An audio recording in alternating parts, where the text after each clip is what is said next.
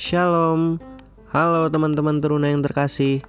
Kembali lagi di podcast Renungan Harian Teruna.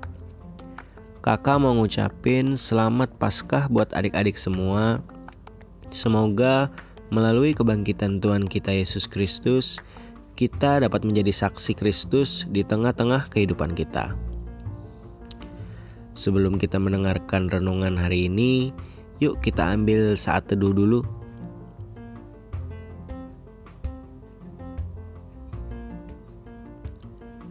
Tema renungan kita hari ini penyebab rasa ragu. Teman-teman teruna bisa jeda dulu ya podcast ini untuk membaca Alkitab yang terambil dari Matius pasal yang ke-28 ayat yang ke-16 hingga ayat yang ke-17.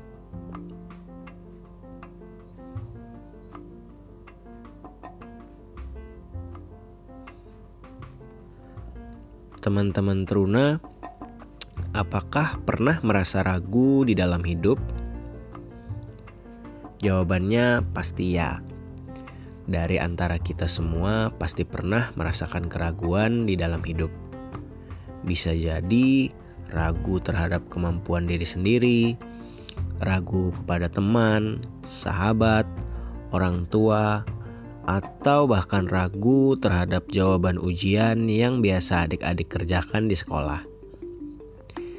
Sama seperti bacaan Alkitab kita pada hari ini, murid-murid Tuhan Yesus ragu terhadap kebangkitan Tuhan Yesus ketika berjumpa di sebuah bukit di daerah Galilea.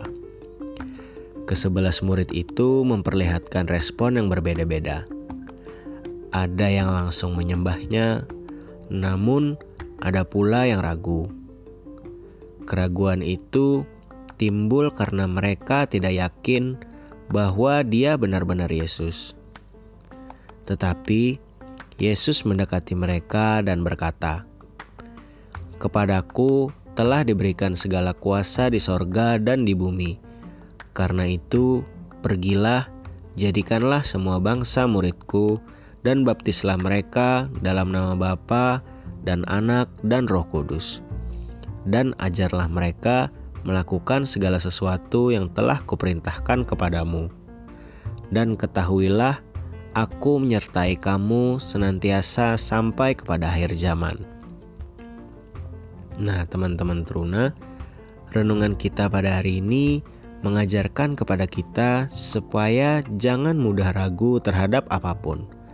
Sekalipun kita ragu terhadap Tuhan, hendaknya kita bisa memupuk sikap percaya kepada Tuhan yang selalu hadir dalam hidup kita karena dialah sumber kehidupan kita. Minta Roh Kudus selalu hadir dalam hati untuk menuntun kita menjalani hidup setiap hari. Selamat menjalankan aktivitas teman-teman teruna. Aku mengasihimu. Tuhan Yesus berkatimu.